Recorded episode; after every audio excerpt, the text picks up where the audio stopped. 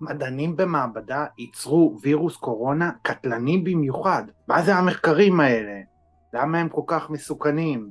איך זה קשור לכל מה שאנחנו רואים היום? אני יריב המר וזה ערוץ פולס פוזיטיבי. בסרטון של היום אנחנו לא נדבר על מקור הווירוס הקורונה כי זה מנוגד למדיניות של יוטיוב. אז אנחנו רק נדבר על מחקרים שנעשים במעבדות.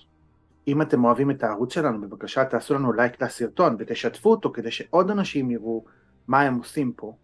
תעשו לנו subscribe לערוץ, זה הפעמון למטה, יש לנו כבר מעל 3,100 מנויים, אנחנו רוצים הרבה הרבה יותר כדי לשתף את כל המידע החשוב הזה. מחקר קטלני, מתחילים. אז חוקרים אמריקאים מאוניברסיטת בוסטון ביצעו מחקר gain of function חדש וייצרו במעבדה וריאנט המשלב בין הווירוס המקורי, מווהאן, לבין האומיקרון. התוצאה, הווריאנט החדש הרג 80% מהעכברים אליהם מוזרק. והמסקנה, ככל שיש יותר חלבוני spike על השטח של הווירוס, החלבוני spike זה הקוצים האלה, הוא יותר מדבק ויותר קטלני, כל הכבוד. איזה מחקר חשוב. מדובר במחקרים במעבדות ביולוגיות, שבהם לוקחים החוקרים את הווירוסים, מבצעים בהם שינויים כמו הכלאה בין וירוסים מסוגים שונים, שינויים גנטיים או כימיים בווירוסים כדי להחליש או לחזק תכונות שלהם. ואז לוקחים את אותם וירוסים מהונדסים, מזריקים את הווירוסים החזקים לעכברים או קופים ובודקים את ההשפעה. השימוש הוא נשק ביולוגי, או לחילופין מחקר כדי להתכונן לפיתוח חיסון לווירוס החדש, ולזה קוראים gain of function research. המחקרים האלה מסוכנים. אם הווירוס בורח מהמעבדה, הוא מגיע לאוכלוסייה, ואז מה? זה לא מה שהיה בבואן בהתחלה.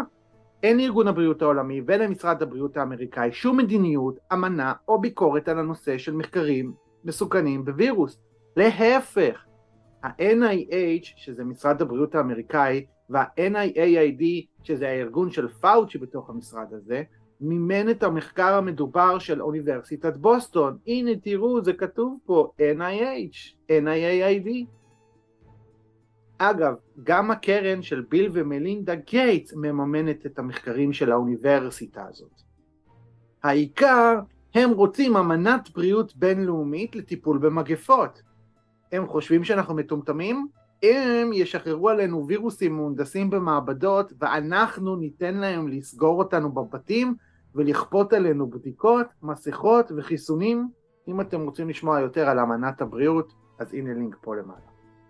לדוגמה, זהו דוקטור רלף בריק מאוניברסיטת צפון קרוליינה. הוא אחד מהמומחים הידועים בארצות הברית למחקרי gain of function שעליהם דיברנו מקודם. רלף בריק ממומן על ידי ה-NIH במשך שנים, והוא מקבל מימונים גם מקרנות כמו ה-EcoS Alliance, הקרן של צ'אן צוקרברג וכולי. לצורך הדוגמה, דוקטור בריק ביצע מחקר בשנת 2015 במעבדות הווירולוגיות בוואן בשיתוף עם ראשת המעבדה דוקטור זנגלי שי או בכינויה אשת האטלף בשל מחקריה בווירוסי קורונה מעטלפים. המחקר פורסם בנייצ'ור מגזין והוא זמין לנו היום כפי שאתם רואים. A SARS-like cluster of circulating bad coronaviruses show potential for human emergence מי שכתב אותו זה רלף בריק וזן גלישי והוא מ-2015. כבר בהתחלה ניתנה הערה שהוספה מאוחר יותר שסביב הדוח הזה פותחו תיאוריות קונספירציה בנוגע לתיאוריה שמקור הקוביד בדליפה מהמעבדה בוואן שנמצאת קילומטרים ספורים מהשוק. כמובן שמדובר בתיאוריות בלבד ואין שום הוכחה שווירוס הקורונה מגיע מהמעבדות הווירולוגיות בוואן. אבל אין שום מחלוקת על זה שהמחקר הספציפי הזה בוצע במעבדות בוואן על ידי דוקטור בריק ודוקטור זנגלישי, אני אתן לכם להבין לבד מה אתם חושבים שקרה פה. כשצוללים לתוך הדוח, מגלים שהמדענים המכובדים יצרו וירוס קימרי, שהיא החלאה בין וירוס סארס, שהוא וירוס קורונה קטלני שהיה נפוץ באסיה בתחילת שנות האלפיים, לבין וירוס קורונה מעטלף. אז הם ערכו שינויים גנטיים בווירוס החדש וחיזקו את חלבון הספייק שלו, אותו קוץ. החודים שעל היקף הווירוס, כך שיקשר יותר טוב לאנזים שנקרא ACE2, שדרכו הווירוס נכנס לתא ומשתלט עליו. כאשר הדביקו עכברים בווירוס החדש, גילו שהוא מדבק יותר מהסארס, ושטיפולים קיימים מגלים יעילות נמוכה כנגדו. הכל כתוב פה, הנה סימנתי לכם באדום. מצוינים גם מקורות המימון של אותו מחקר מסוכן. במפורש מצוינים שם ה-NIAID של פאוצ'י, וכן ה-Eco Health Alliance של דוקטור פיטר דסזאק, שבעצמו מומן על ידי פאוצ'י וגורמים נוספים כמו קרן שאחד ממשקיעיה הוא הנטר ביידן, בנו של נשיא ארצות הברית, וגוגל אורג. נתנו לה מענקים, כמו גם לתוכנית PREDICT של ה-USAID, שמימנה את המחקר הזה. כל מה שאמרתי לכם עכשיו זמין באינטרנט, Eco Health Alliance, לכו תבדקו. עורכי המחקר טרחו לציין שהמחקר בוצע לפני העצירה של מחקרי GOF, performed before the GOF research funding pause, GOF זה gain of function, ושהמחקר אושר על ידי ה-NIH, מיד נדבר על זה. אפילו מי שערך את המחקר הזה חושב שהמחקר הזה הוא מחקר gain of function. הסנטור דוקטור פול רנד הרפובליקאי חקר את דוקטור פאוצ'י תחת שבועה בסנאט ושאל אותו האם הוא מימן את מחקרי ה-gain of בסין שכרגע ראינו. ופאוצ'י הכחיש. בהמשך טען שדוקטור בריק מבצע מחקרי gain of function בארצות הברית בלבד. הנה תשמעו. For years, Dr. Ralph Barrick, a virologist in the U.S., has been collaborating with Dr. Shi Zhengli of the Wuhan Virology Institute, sharing his discoveries about how to create superviruses. This gain of function research has been funded by the NIH. The collaboration between the U.S. and the Wuhan Virology Institute continues. Doctors Barrick and Shi work together to insert bat virus spike protein into the backbone of the deadly SARS virus, and then use this man made supervirus to infect human airway cells. Think about that for a moment. Dr. Fauci, do you still support funding of the NIH funding of the lab in Wuhan? Senator Paul, with all due respect, you are entire, entirely and completely incorrect that the NIH has not ever and does not now fund gain of function research in the Wuhan Institute Do they fund of Dr. Barrick?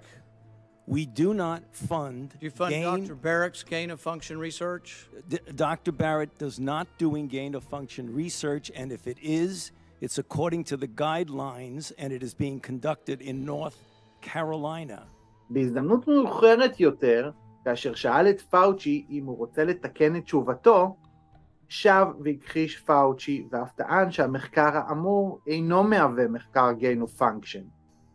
הנה תשמעו.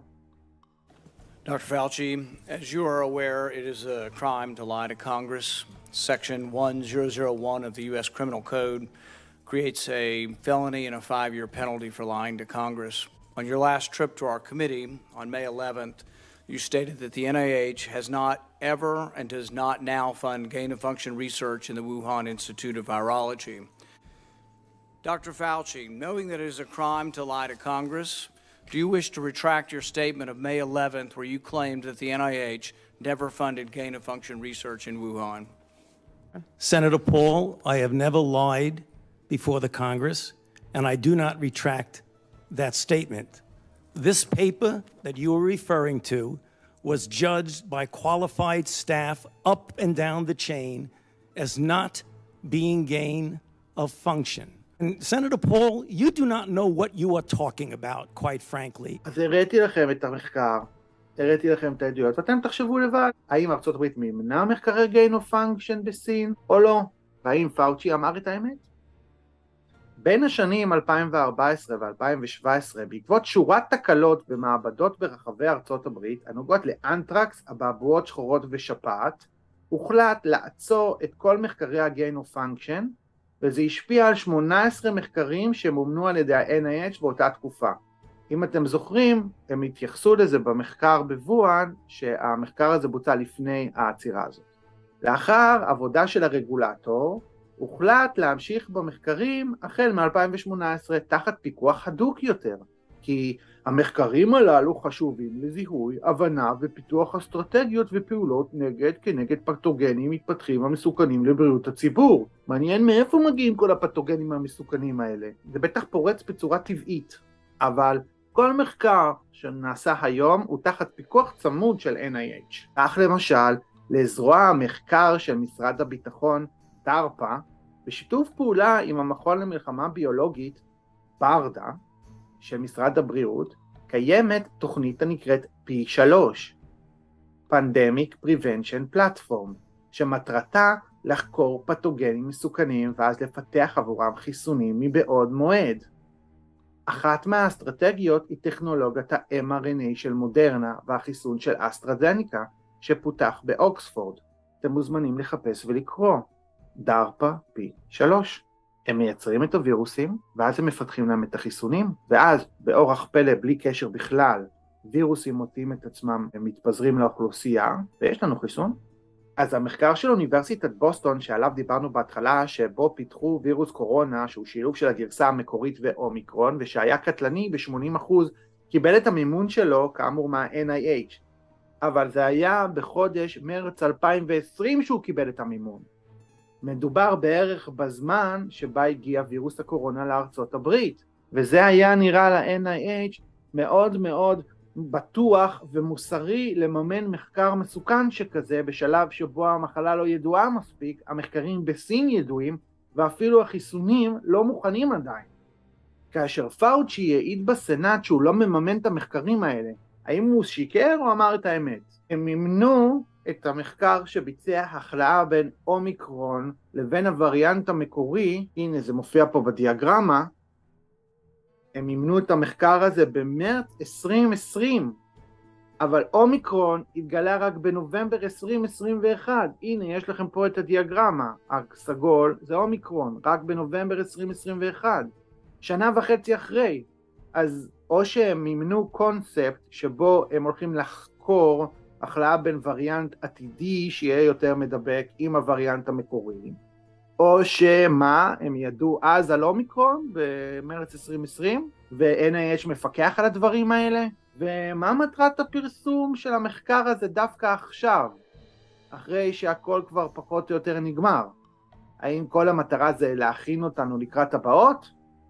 או להחזיק אותנו דרוכים לקראת החורף, יגיע פה וריאנט מאוד מאוד קטלני, אה, מתכננים לנו משהו, אז מתי מגיע החיסון לווריאנט החדש והמאיים הזה? האנשים האלה רוצים להשתלט על הדרך שבה הם מנהלים מגפות שמתפשטות בעולם. מתי אנחנו מתכוונים להגיד מספיק, זה לא בסדר מה שאתם עושים. אתם עושים את המחקרים המסוכנים האלה, ואחר כך שוללים לנו את הזכויות כשהמגפות האלה מתפרצות ודוחפים לנו חיסונים חדשים. מה אתם חושבים? תרשמו לנו בתגובות. ותעשו לנו לייק לסרטון, תירשמו לערוץ שלנו, זה הפעמון למטה. תודה שהקשבתם.